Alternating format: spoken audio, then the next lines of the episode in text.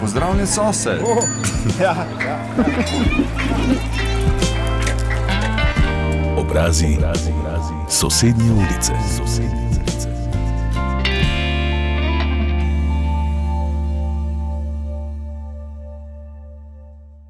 Dobro dan in prav lep pozdrav vsem poslušalcem nacionalnega programa Radia Maribor.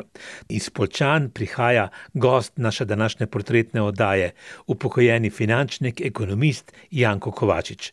Gospod Kovačič, dobrodošli na valovih našega radia. Lep pozdrav. Življenjska zgodba Janka Kovačiča je nadvse pestra. Vrsto let, ko je bil aktivno zaposlen v službi, je bil predstojnik, vodja bančne ekspoziture v Polčanah, ekonomist, finančnik. Od leta 1993 je predsednik planinskega društva v Polčanah, je eden najaktivnejših planinskih vodnikov v severovzhodni Sloveniji. Če zdaj le gledate, gospod Janko, svojo prehojeno pot, svoje koordinate življenja, ko ste sicer formalno izpregli, ste pa močno aktivni na mnogih področjih življenja, kako živite, kako ste, ste srečen človek. Sem sem zadovoljen, sem srečen, rad živim, zelo polno življenje živim. Moram reči, da se ne dolgočasim. Moji dnevi so od jutra do poznega večera zelo delovni, plus tega je tu tudi družina. In doma imam nekaj ohišnice, okrog 20 arov imam parcele, ki jo, kar bom rekel, zgledno verjujem. Imam tudi motiv, rad take stvari počenjam, veliko sem v hribih in tako dalje. Skratka, že, se mi zdi, da kar dobro izpolnjujem uh, svoj čas uh, in, in sem s tem tudi zadovoljen. Ko merite svoja leta, ko je človek star 60 let, kako se takrat počuti? Počutim se zrelo. Moram reči, da se mi zdi, da imam ogromno energije, da imam ogromno te eh, kvalitetne energije. Ne. Eh, pri 60 letih človek eh, lahko znanje in izkušnje združi v izjemno eh, uspešno zgodbo. Eh, res je, da smo skozi vso zgodovino, oziroma skozi svoje življenje, dali takšno in drugačno obdobje, skozi bili smo mladi, eh, živeli smo po tistem principu, čez potok skače, kjer je most. Če ne bi bili taki, če ne bi bili navihani, če ne bi bili žleht, po domače povedano, tudi ne bi odrasli v, rekel, samostojne, pravilno sposobne in odgovorne ljudi in državljane in pripadnike te naše skupnosti. Če bi zdaj lahko za nazaj določene stvari resetirali, spremenili, morda speljali malo drugače, a je kaj takega, kar bi naredili? Mislim, da ne. Veliko se ljudem, ali pa tudi meni, pravzaprav nisem čisto nič drugačen kot vsi drugi. Veliko se ti zgodi v življenju lepih in veliko se ti zgodi v življenju tudi neprijetnih stvari. Ampak zelo pomembno je, da po vsakem takem neprijetni stvari ali če hočete po padcu se zna človek pobrati in izjemno potegniti iz tega izkušnja, se pravi, da je to šola za življenje, da, da tebi te izkušnje ostanejo, da takih napak ne ponavljaš več, oziroma da znaš dobre stvari tudi iz takih negativnih zadev potegniti. Veliko je ločitev na slovenskem, tudi vi imate to vrstno izkušnjo.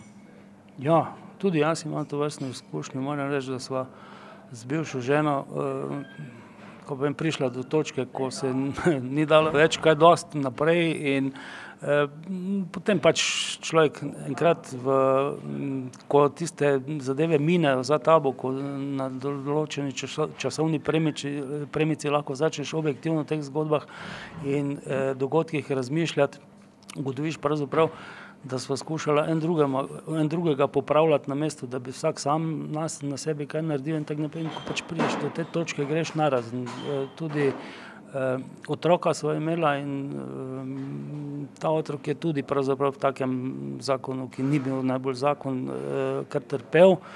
Eh, moram reči, da me je tole kar dost eh, potrlo ali pa eh, sem imel eno tako zelo, rekel, težko obdobje. Eh, po tej ločitvi, potem sem se pobral, sem začel drugače razmišljati in uh, pravzaprav danes pravzaprav zelo vesel, ne, da, da je sin uh, zelo rad prihaja k meni, ne, ima svojo družino, uh, da, da smo veliko skupaj, da, da, dobro, da smo se dobro ujeli in tako naprej in pravzaprav živimo zopet eno tako normalno življenje. Kako pomembno je, da po takšnih ločitvah, če ne gre drugače, da rešimo nesporazume in zgodbo, da znamo ohraniti tudi in predvsem, ker smo slika našim otrokom, en tak zdrav, normalni odnos, brez sovraštva, brez jeze. Od začetka zelo težko, ne? potem pa pač zabrem, na časovni premici se zadeve začnejo uh, potem vseeno dogajati. Meni je bilo, rekel tako, zelo uh, v začetni fazi tega, te zgodbe zelo težko, ker pravzaprav sem se sam sebe spraševal, uh, zakaj smo mi da sploh skupaj bila, če pa nisem, nisem se mogel spomniti enega, enega lepega dogodka iz najnega skupnega življenja. To, to so te frustracije, ki te, ki te doletijo in pravzaprav uh, vidiš takrat, kako tvoja psiha deluje. Ne? Kaj sem jaz počel toliko in toliko let s to žensko v tej familiji, pa se ne morem spomniti, da je bila ena, ena lepa stvar v tem življenju. Ne? In seveda, ko se na časovni premici to odmakne, ko lahko postaviš zadeve realno, ko začneš iz drugih aspektov, iz perspektive, drugih iz perspektiv teh zadeve gledati, potem lahko mm, normalno zopet razviješ ta odnos. In danes, ko se z ženo srečava, se čisto normalno pogovarjamo, se konc koncev se srečujemo tudi na, bom rekel, skupnih praznovanjih ko ima sin kakor resen dan ali pa njegova žena pa vnukinja in tako naprej, pa se tam srečamo, se pogovarjamo, pravzaprav uh, rekel, ta odnos čist človeško normalen. Ne. Druge zgodbe se pač pozabijo, nekje so odmaknjene ali pa nekje odmaknjene v daleč, taki spomin za nazaj. Obrazi sosednje ulice. V tej portretni oddaji Obrazi sosednje ulice vam megaherčno zarisujemo obraz, podobo finančnika iz Polčan, ekonomista Janka Kovačiča. Vi ste kar lep čas, kar nekaj desetletij vodili tole ekspozituro, bančno ekspozituro v Polčanah. Kakšen osebni odnos imate do denarja? Kako vi, kot bančnik, kot finančnik, pa ta denar, to menjalno sredstvo vidite? Kako ga vi doživljate? Brez okusa je, brez barve, brez vonja, brez ideje. Ja, je kar težava. Ne? Je kar težava v začetku, pravzaprav danes, ko je te gotovine dosti manj v obtoku, ni več, eh, so se tudi, tudi zadeve malce spremenile, smo pa preživljali čase, ko smo več ali manj vse gotovine šteli na roke. Ko je v tistih hudih časih inflacije v prejšnji državi ogromne količine denarja bilo in je bilo treba vse normalno preštevati in tako naprej. Takrat dejansko smo se spraševali, kaj to je, ali je to samo kos papirja, ali dejansko je to nek, nek inštrument, s katerim lahko ti zagotavljaš sebe, ne vem, od socialne varnosti naprej. Danes so zadeve drugače poznane, je pa res, da človek tudi ob tej kilometrini, ki jo človek ima v tem poslu, pač tudi na tem področju dozori. Zdaj sem se spomnil ne misli angliškega pisatelja Ovalda, misel se pa nanaša prav na ta denar, o katerem zdaj razmišljava. Pravi takole, denar sam po sebi ne prinaša sreče, to, da če ga imaš dovolj, si lahko bolj dostojno nesrečen. Ja, bi se kar strinjal. Ne? Ali pa še en taki rek pri nas tudi se ga da dosti krat čutne, da uh, denar ni vse, pravijo tisti, ki ga imajo. Ne? Tisti, ki pa nimajo, pa seveda se, m, se, se težko se postavimo v vlogo tistih, ki se v življenju težko prebijajo, ta, prebijajo, ta naš sistem družbeni je danes kar dosti krut, ni več toliko solidarnosti. Um, Mar se kdaj neupravičeno zamerimo ljudem, da so, ljudem, da so uh, lenuhi, delomrzneži in ne vem, kaj vse v resnici imajo, kakšne druge težave in probleme, pa jih, pa jih ne znamo več identificirati, ne znamo, odtujili smo se od teh problemov vidimo pravzaprav še samo sebe in svoj uspeh. Gospod Janko Kovačič, vi ste otrok socializma, bili ste Titev pionir in Titev mladinec. Eh, v času socializma ste preživeli tista mlada, vitalna leta. Eh, prej ste malo v prejšnjem delu tega našega današnjega portretnega pogovora omenili, da so drugi časi bolj zahtevni. To je nujno, da so tako bolj zahtevni, tako zelo drugačni se zdi, da smo z zornega kota neke človečnosti po nepotrebnem naredili korak nazaj. Ja, se strinjam. Ja. Postali smo egoisti, e, ni nam kaj dosti več mar za okolico oziroma za ljudi. Moram reči, da pravzaprav e, e, si v kontaktu z ljudmi lahko kar dosti dost hitro ustvariš sliko o nekom, kako razmišlja, kako, predvsem boli to, kako danes vzgajamo svoje otroke, da, da dejansko nimamo več niti vpliva, niti možnosti. Po eni strani smo od jutra do večera v službi, tako da se z otroki ne moremo kaj dosti ukvarjati, med tednom še pa tiste trenutke, ko bi se pa lahko, imamo pa še en kup drugih stvari pa problemov in zadevo tišimo vstran, pričakujemo, da nam bojo v šoli vzgajali otroke, pričakujejo, da nam bojo v cerkvi vzgajali otroke, pričakujejo, da nam bojo v društvih vzgajali otroke, sami pa s tem nič več nimamo. Ni res, ne, starši, naša je tudi ena primarna dolžnost ohranitev vrste, se pravi, da moramo tudi skrbeti za to, da človeka spravimo na svet, ampak s tem zgodba ni končana, ne, tu se šele začenja.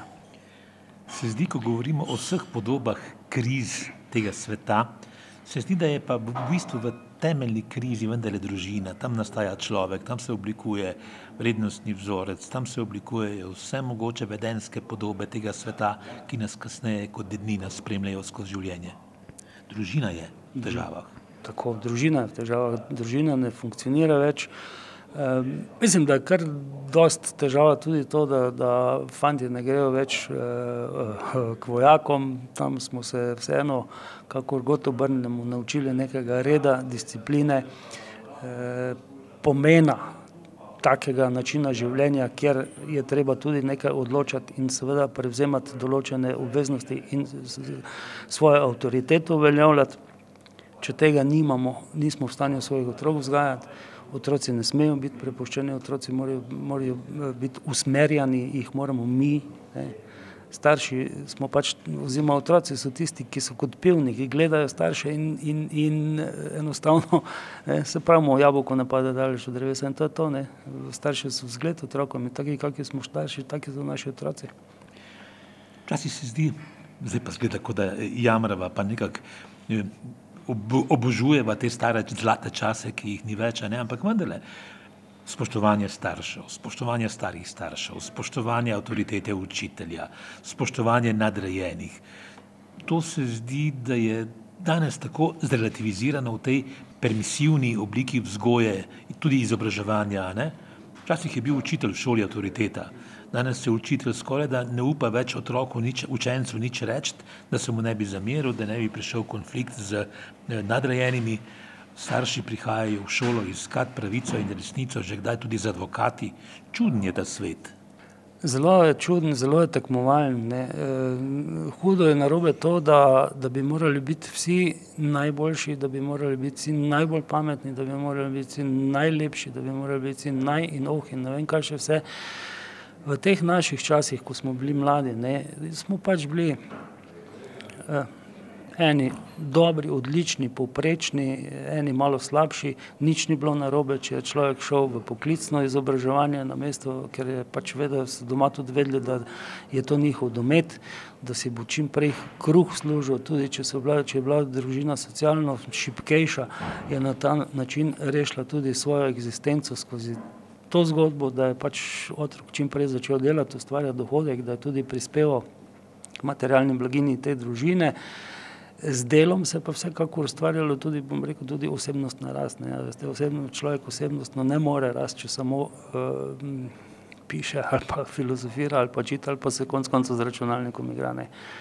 Vsekakor je delo tisto, ki osmisli tudi tega človeka, pa magari je to delo doma na vrtu ali je to delo, ne vem, ni več to klasično delo s krampom in lopato, to, kar smo mi skozi dajali, ko smo bili mladi, ampak človek mora vseeno nekaj početi, da svojo osebnost osmisli. Včasih imamo občutek, da so recimo v ospredju vse preveč termini, uspešnost, ekonomska propulzivnost, mladost, nabildanost, prestiž, denar, uspeh. Če pa recimo zagovarjaš pojme, ki definirajo naše medosebne odnose, kot so zvestoba, tovarištvo, stanovitnost, načelnost, prijateljstvo, sočutje, sozvočje, harmonija, pa skorajda že veljaš za konzervativnega. Ja, predvsem na čustvenem področju mislim, da smo kar dosti mimo udarili, no, razvoj čustev pri vsakem človeku se zopet začenja čisto pri otrocih, ne. Danes nam primanjkuje te čustvene inteligence, mi ne znamo več, življenje smo postavili tudi ne znam več na pravilen, na pravi način sočustvovati. Jaz ne verjamem več, da otroci točno vejo več, kaj je to ljubezen. Je še danes, veste, pa mislim, da nisem edini, bomo se verjetno kar strinjala, če se spomnimo svoje prve, prve ljubezni. Mene še danes tule not v, v predelu želodca tako mal zvije, pa stiska. Zakaj smo hodili po diskotekah, zakaj smo hodili na veselice. Zmeraj smo ne, bili moški, zmeraj smo bili lovci, ki smo pač iskali priložnosti, da smo lahko uh, se malo stisnili, objeli koga, kaj poljubčkali in tako naprej. In, in mm, so to pravzaprav najlepši spomini na, naše, na to našo mladost. Znali smo, uh, znali smo čustvovati, znali smo čustveno rast s tem, vedeli smo, kaj je ljubezen, vedeli smo, kaj je razočaranje. Občutek, da danes temu ravno ni tako. No. Neverjetno je ta uboga, zlasti ta moška, mlada generacija. Ne? Nekje sem prebral podatke, da je izredno eh, testosteronsko v deficitu, da je proizvodnja testosterona pri fantih mnogo, mnogo manjša, kot je bila pred nekaj desetletji, zaradi česar je se neplodnost med mladimi fanti strahovito povečala in narasla. Ne? En vic pravi, ko smo mi hodili na maturantske izlete, so se punce zaklepale pred nami v sobo, zdaj si pa fanti nabavijo kištopira, pa se oni zaklenejo, da imajo mir.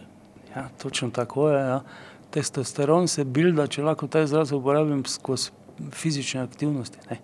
Danes tudi tega primankuje. Večina, bom rekel, večina populacije je zadovoljna s tem, da se mm, omejeno giba, da več ali manj na sedeč način preživi življenje, da se igrajo z računalniki, da delajo s, s temi zadevami, da hodijo vem, v kino diskotek že danes sploh ni več, kaj mladi, mladi ne čutijo več priložnosti ali pa, ali pa potrebe, da bi, se, vem, da bi se skupaj zabavali, da bi, da bi iskali družbo. Več ali manj komunicirajo prek teh elektronskih komunikacij in seveda s temi urodji, razno raznimi družbenimi omrežji, je najbolj pomembno, ne, da ta trenutek m, mm, vsi vidijo, kako sem jaz frajer, ker se nahajam na, na enem smočišču, tam, kjer ni nobenega drugega zraven. Ne, in da v trenutku moram biti povšečkan, vsaj z enimi 25-30 všečki, ker takrat si nabildam svoje ego, če pa nisem, sem pa razočaran. Obrazi sosednje ulice. Torej, v naši tokratni portretni oddaji Znanec iz sosednje ulice na današnjo soboto, 29. maja, gostimo znanega polčančana Janka Kovačiča, dolgoletnega finančnika, bančnika v tem kraju, zdaj je že nekaj časa v pokoju, kot smo rekli v uvodu, in pa predsednika planinskega turističnega društva v tem kraju. Pred časom, mislim, da je bilo meseca marca, se je naša radijska ekipa v Polčanah mudila z oddajo Petkovo terensko malo na ukrog, kolegica Katarina je bila tukaj, tam ste vi razlagali vso to fenomenologijo te znamenite rastline, ki raste na boču velikonočnice. Zdaj le bova pa izdala, kje pa tale pogovor danes nastaja na planinskem domu na boču, ki je nekako domicil vas počanskih planincev, ne da? Točno tako.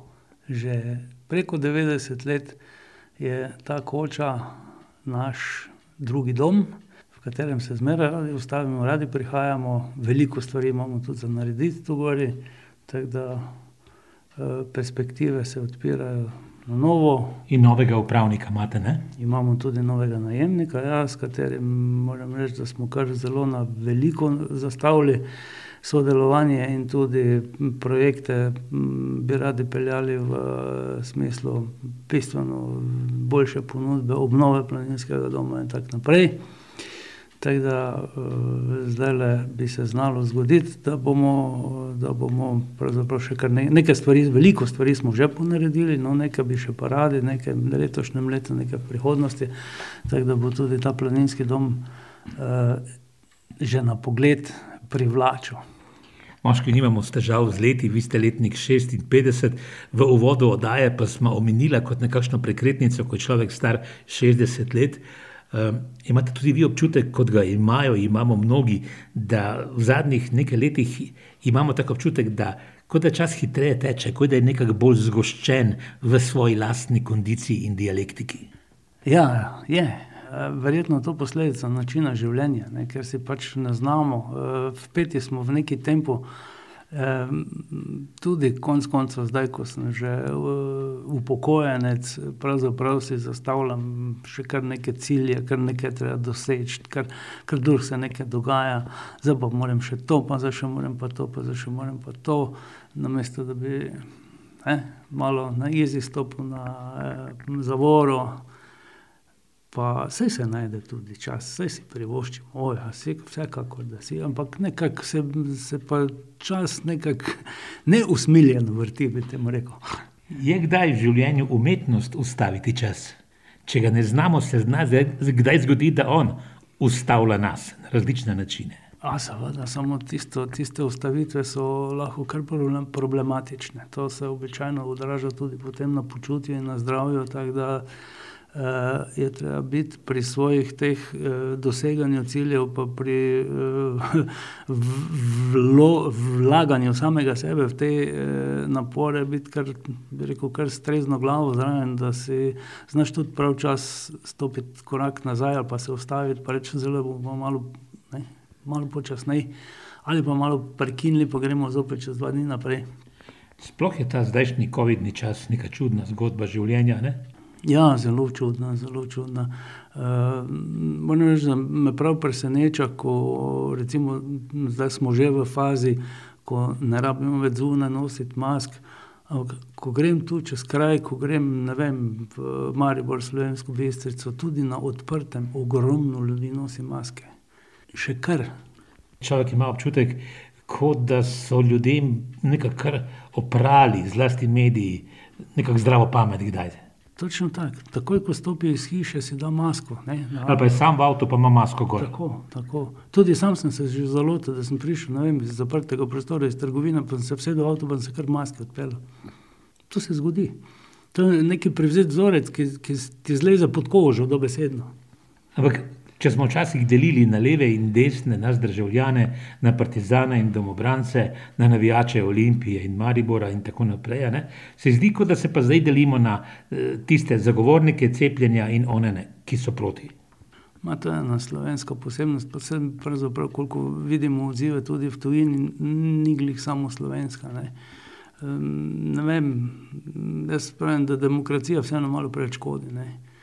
Demokracija so, so velike obveznosti do, do skupnosti, ne pa pravice, ne. Pravice, ki izhajajo iz demokracije, so komaj na drugem, tretjem mestu, najprej so pa obveznosti. Tvoj prispevek k, razvoju družbe, k odnosom do soljudi in tako naprej, potem so pa pravice, ki izhajajo iz tega. Veste, moti me, moti me ena stvar, ne, in to zelo bode v oči, ne. Da so, recimo, mi izhajamo še iz časov, ko nas nihče nič ni vprašal, so nas cepili z vsem živim, ne. Tudi nazadnje, ko smo postali vojaki, smo dobili neke stvari v sebe, še danes ne vemo, kaj pravzaprav, ampak takrat jaz vem, da deset let nisem bil bolan po tistem, niti kihnil nisem, no. danes ljudje na zavodu za, kako se reče, Zavod za zdravstveno varstvo, stojijo v vrsti za cepljenje, ko grejo, ne vem, v Afriko pa ne vem na kake otoke pa ne vem kam vse v tujino, ni noben problem, hepatitis, ebola, ne vem, kup enih stvari, držijo roko za cepiti, ne, ko pa, nekdo ponudi covid cepljenje, tisto pa ne bomo, ne. Omejevanje pravic, ne, jaz hočem potovati, ni problema, grem takoj se cepit, takoj samo zato, da lahko grem, ne. Ko mi pa nekdo reče: "Daj se cepit za covid," ne, tisto pa ne bom.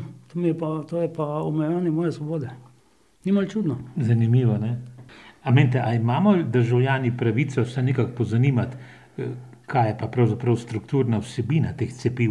Imamo ali nimamo? Ja, imamo pravico, saj jaz tudi mislim, da so nam jo povedali. Zdaj, jaz verjamem, da so ti ljudje, ki, ki to povejo, da so, da so, dosti odgovorni, da nam ne lažejo.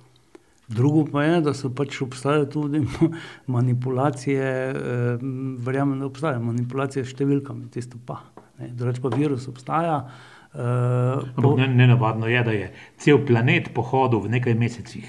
Ja, ja, saj to je znak, da virus obstaja. Ne, saj če bi, če ne bi obstajal, bi, jaz verjamem, da se je kdo na svetu našel, ko, bi pač znal zadevo, ali pa stopiti ven iz tega špila, če bi temu rekel, če bi bil to špil, če je to zarota, če je to ne vem kaj, vse kaj poslušamo, vse ne o nekih svetovnih zarotah. Vse je, sigurno, da je zadaj tudi denar za cepiva, pa tako naprej, absolutno, da je, ne. Ampak virus je, zapustimo, mislim, da, da je neprimerno iskati zdaj razloge, ali je šel namerno, ali je, ali je, ali je res prišel z netopirjem na človeka, ali virus je, tu je. Ne, mi poznamo gripo že približno sto dvajset let in cepivo proti gripi poznamo osemdeset let. Pa še zmeraj je gripa, pa še zmeraj je cepivo in se vsako leto cepimo proti gripi. Očitno bomo mogli tudi s tem covidom znati živeti, ne. V statistiki je bilo, mislim, v zadnjih nekaj letih povprečno je, bi naj umrlo okoli dvesto, tristo ljudi zaradi gripe, zdaj pa kar gripe ni več, te klasične. Ja, seveda je ni več, če pa se ne družimo. Saj se ne prenašamo. Normalno je, ne, gripa, gripa se prenaša tako, se virus gripe se prenaša, tako kot se prenaša covid, ne. Ne, in če, ne, a veste, način življenja, ko smo, ko Ti lockdowni pa ta nedruženje pa to, to, to ne pelje nikamor. Ko sva, ne, ne pelje nikamor, ampak ko sva midva bila mlada, ne, ko je človek, ko si začel kihati, kašljati, ne, so rekli: "Zdaj boš pa ti šel v posteljo, ne." Pa če si tako prišel v šolo, so te poslali domov. Pa si mogel en teden doma odležati, ne. Pa je bila mama zelo huda, če si prehitro vstal iz postelje, ne. En teden je bilo treba ležati, čaje piti pa kak aspirin si dobiti, saj nismo šli zdravniku. Ne. Pa smo ozdraveli pa smo šli v šolo. Danes hodijo otroci zelo prehlajeni v šolo, ker jih starši nimajo, nimajo varstva, starši hodijo bolni, starši hodijo okuženi z virusi v službo, ker se bojijo za službo, ker se bojijo, da bojo dobili z bolniško manj denarja, ker bo ne vem kaj vse, ne. iz svojega službenega življenja vem, da so ljudje, ki so, bili pri zdravniku v ambulanti, ne, dobili recept, ne, pol so šli pa v lekarno, pa na banko, pa na pošto, pa v trgovino, pa vse urade in tisti svoj virus raztrosili vsepovsod. Ne, namesto da bi šli od zdravnika domov, v lekarno pa domov odležati pa pol iti, ne. Ne. Virus je treba odnesti vsepovsod. Ker se sploh ne zaveda, da ga nosi pa da ga trosi. Kaj pa, kaj pa če je to en modus vivendi, da se čimprej prekužimo pa... Ja, ja, tudi konec koncev, seveda, jaz se prekužim tudi jaz, samo žal od tega tudi umiramo, ne, ali pa umirajo ljudje, ne. Kaj pa ta manko družabniške komponente življenja v zadnjem letu? Zdaj se, jaz se spomnim, da tamle na začetku te covid krize pred dobrim letom skorajda ni bilo moč dobiti v domov, domu upokojencev kar od danes na jutri sobe, ne. Čez sto pet je teh domov menda zdaj. Zdajle slišimo, da je dva tisoč postelj prostih. Kar naenkrat se je to spraznilo. Ja, nekaj verjetno tudi na račun teh, ki so pač žal morali oditi. Ampak po teh domovih se zdi, tako nekateri psihologi zatrjujejo, da jih je mogoče več umrlo zaradi te prisiljene osame in umanjka socialnih stikov kot zaradi kakšnega virusa. Verjetno tudi to, ja, ne. Jaz sem imel svojo imamo v domu pa vem, da sem čisto vsak, ke sem pač imel možnost, sem šel vsak dan k njej. V opoldanski pavzi sem šel najprej domov pa sem šel pogledat, kako je z mamo, pa sva malo spregovorila pa sva šla na kak sprehod pa tako naprej, dokler je bilo to možno, ne. Mogoče pa tudi ta zdajšnji, reciva temu, čas preizkušenj ena priložnost, da nekatere bazične, pomembne strani našega bivanja in obstajanja in naših medosebnih odnosov nekako premislimo in resetiramo na novo. Mogoče pa res, ja. Mogoče bomo pa nehali, med sabo tekmovati, ne, mogoče bomo pa začeli se družiti, jaz opažam zdaj, ko se je zadeva začela sproščati, kako smo potrebni te družbe, kako smo potrebni, pogovorov, razgovorov, kako smo veseli, ko srečamo znanca po dolgem času. mogoče se pa bomo obrnili tudi v to smer, da ne bomo več gledali škodoželjno prek ograje na sosedovo v dvorišče, s kakim avtom se je pripeljal domov, s kakega psa ima, kje so bili na dopustu, jaz pa nisem mogel biti pa tako naprej, ne. To so preizkušnje, ne, vsaki, vsaki, vsaki hudi časi, ne, saj konec koncev, hudi časi so bili tudi ta, ne vem, ko je bila epidemija španske gripe recimo, takrat so se tudi malo spremenilo potem vseeno življenje ljudi in tudi so ljudje začeli drugače razmišljati, da ne govorimo o vojnah. Vsako hudo prinese na koncu nekaj dobrega, da se ljudje začnejo med sabo malo bolj ceniti pa spoštovati. Obrazi sosednje ulice. Gost naše današnje oddaje, obrazi sosednje ulice, je, kot rečeno, Janko Kovačič iz Polčan, ekonomist, finančnik, bančnik in dolgoletni predsednik Planinskega društva Polčane. Morda ste prav planinci ena tista posebna zgodba ljudi v prostoru in času, ki pa nekako se ne pusti. Živite neko svoje življenje in če si planinec, če si povezan z naravo, če si povezan s prirodo, se zdi, da pa vendarle imaš vajeti življenja na neki drugi način v rokah, ne da? Vsekakor, vsekakor. V bistvu je to povezano s tem načinom življenja. Planinec ne pomeni biti samo član nekega planinskega društva ali pa ni nujno, da si član planinskega društva pa samo rad hodiš v gore, ne. Planinstvo pravzaprav pomeni način življenja. Da si tudi v tistem okolju, ki si, ki si, kjer si doma, to je v strnjenih naseljih, v mestih in tako naprej, ohraniš tisti dejanski jaz planinca, ki pomeni, da znaš drugemu človeku tudi prisluhniti, mu pomagati, ga vprašati, ga kaj boli, a bo zmogel to priskočiti na pomoč, se vsaj pogovarjati, nameniti lepo besedo ali vsaj dober dan. Danes ne znamo svojih sosedov v ulico niti več pozdravljati, ali jih pa nočemo ali se nam pa to ne zdi več pomembno. Namreč pri teh zgodbah je tako, ko sem jaz bil otrok, so nas učili, da moramo pozdravljati sosede, znance, sovaščane. In seveda, če nisem jaz soseda ali koga pozdravil, so moji starši to čez dve, tri ure doma vedeli, pa ni bilo najbolj prijetno potem, a ne.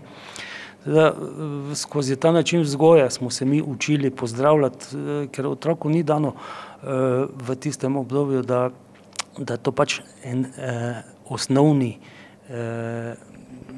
odnos do sočloveka, da znaš ti, da znaš ti sočloveka oziroma mimoidočega pozdraviti, da si mu s tem naklonil en odnos, da si ga prepoznal in da si, da je to ena vrednota, ki je človeška vrlina. To pridobiš potem, ko odrasteš, ko se sam sebe zavedaš in svojih dejanj, kot otrok pa tega ne in nam so to pač na tak način vzgajali. Ko smo mi način vzgoje opustili, ta avtoritativni, in smo tudi sami nehali pozdravljati ljudi, soljudi, sovaščane, je normalno, da jih naši otroci tudi niso več pozdravljali. In danes imamo zgodbo, kako imamo, ne. Da hodimo po ulici kot tujci. Vzgoja za sočutje, vzgoja za vrednote, vzgoja za solidarnost, vzgoja za empatičnost, vzgoja za človeško občutljivost. Kje dobimo vse te reference duše, duha in telesa? Družini najprej, ne da? Tudi šoli? Tudi v šoli, v družini, predvsem pa moramo pustiti tudi v šoli učiteljem, da otrokom prenašajo znanje, da jih objektivno ocenjujejo, da jih meni še zmeraj gre nekako najbolj v glavo, da morajo čisto vsi biti odlični, da morajo čisto vsi, vem, iti študirat, da moramo imeti ne vem koliko doktorjev znanosti in tako naprej, v resnici pa imamo zelo opravilno nesposobne ljudi, ki pravzaprav ne znajo niti na dveh nogah stati, imajo pa ogromno znanja, ogromno znanja, ki ga pa ne znajo uporabiti.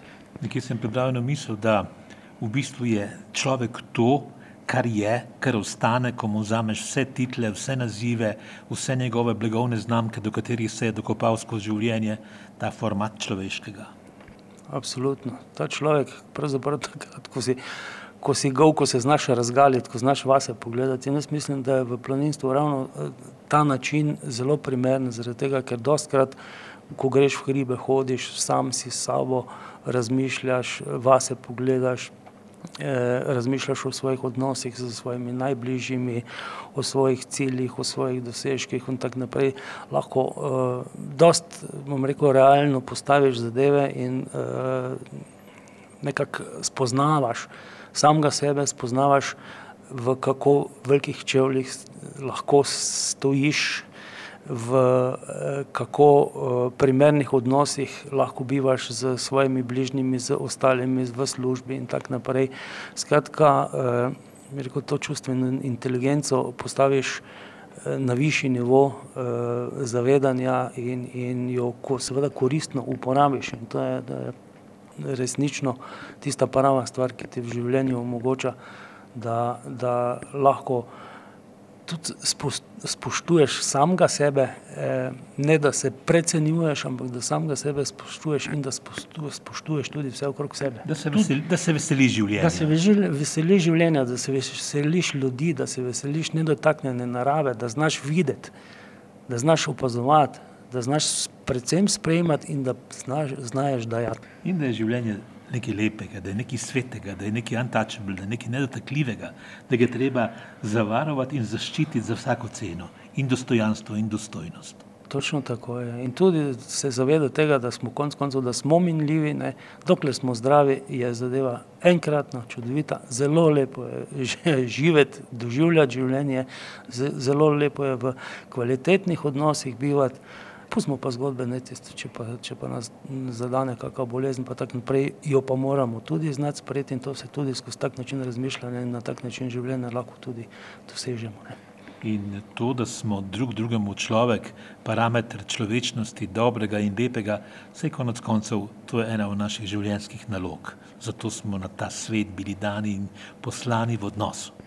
Točno tako. Poslanstvo ohranitve vrste ni samo rojevanje, ampak je tudi eh, vzgoja in izgradnja človeš, človeškega bitja, odgovornega subjekta v družbi. Gospod Janko Kovačič, ekonomist iz Polčan, finančnik, planinec, predsednik planinskega društva, ljubitelj vsega lepega, dobrega, toplega, plemenitega. Eh, kaj bova rekla za slovo od naših poslušalcev v tej oddaji, kakšna bi bila vaša maksima, vaše sporočilo? Imejmo radi to življenje. Kaj? Absolutno, imejmo radi življenje, imejmo radi so ljudi in nam bo bistveno lepše vsem. Sva začela nekako tako. Ste srečen človek, ne? Ja, sem. sem. Srečno, Janko. Tudi vam.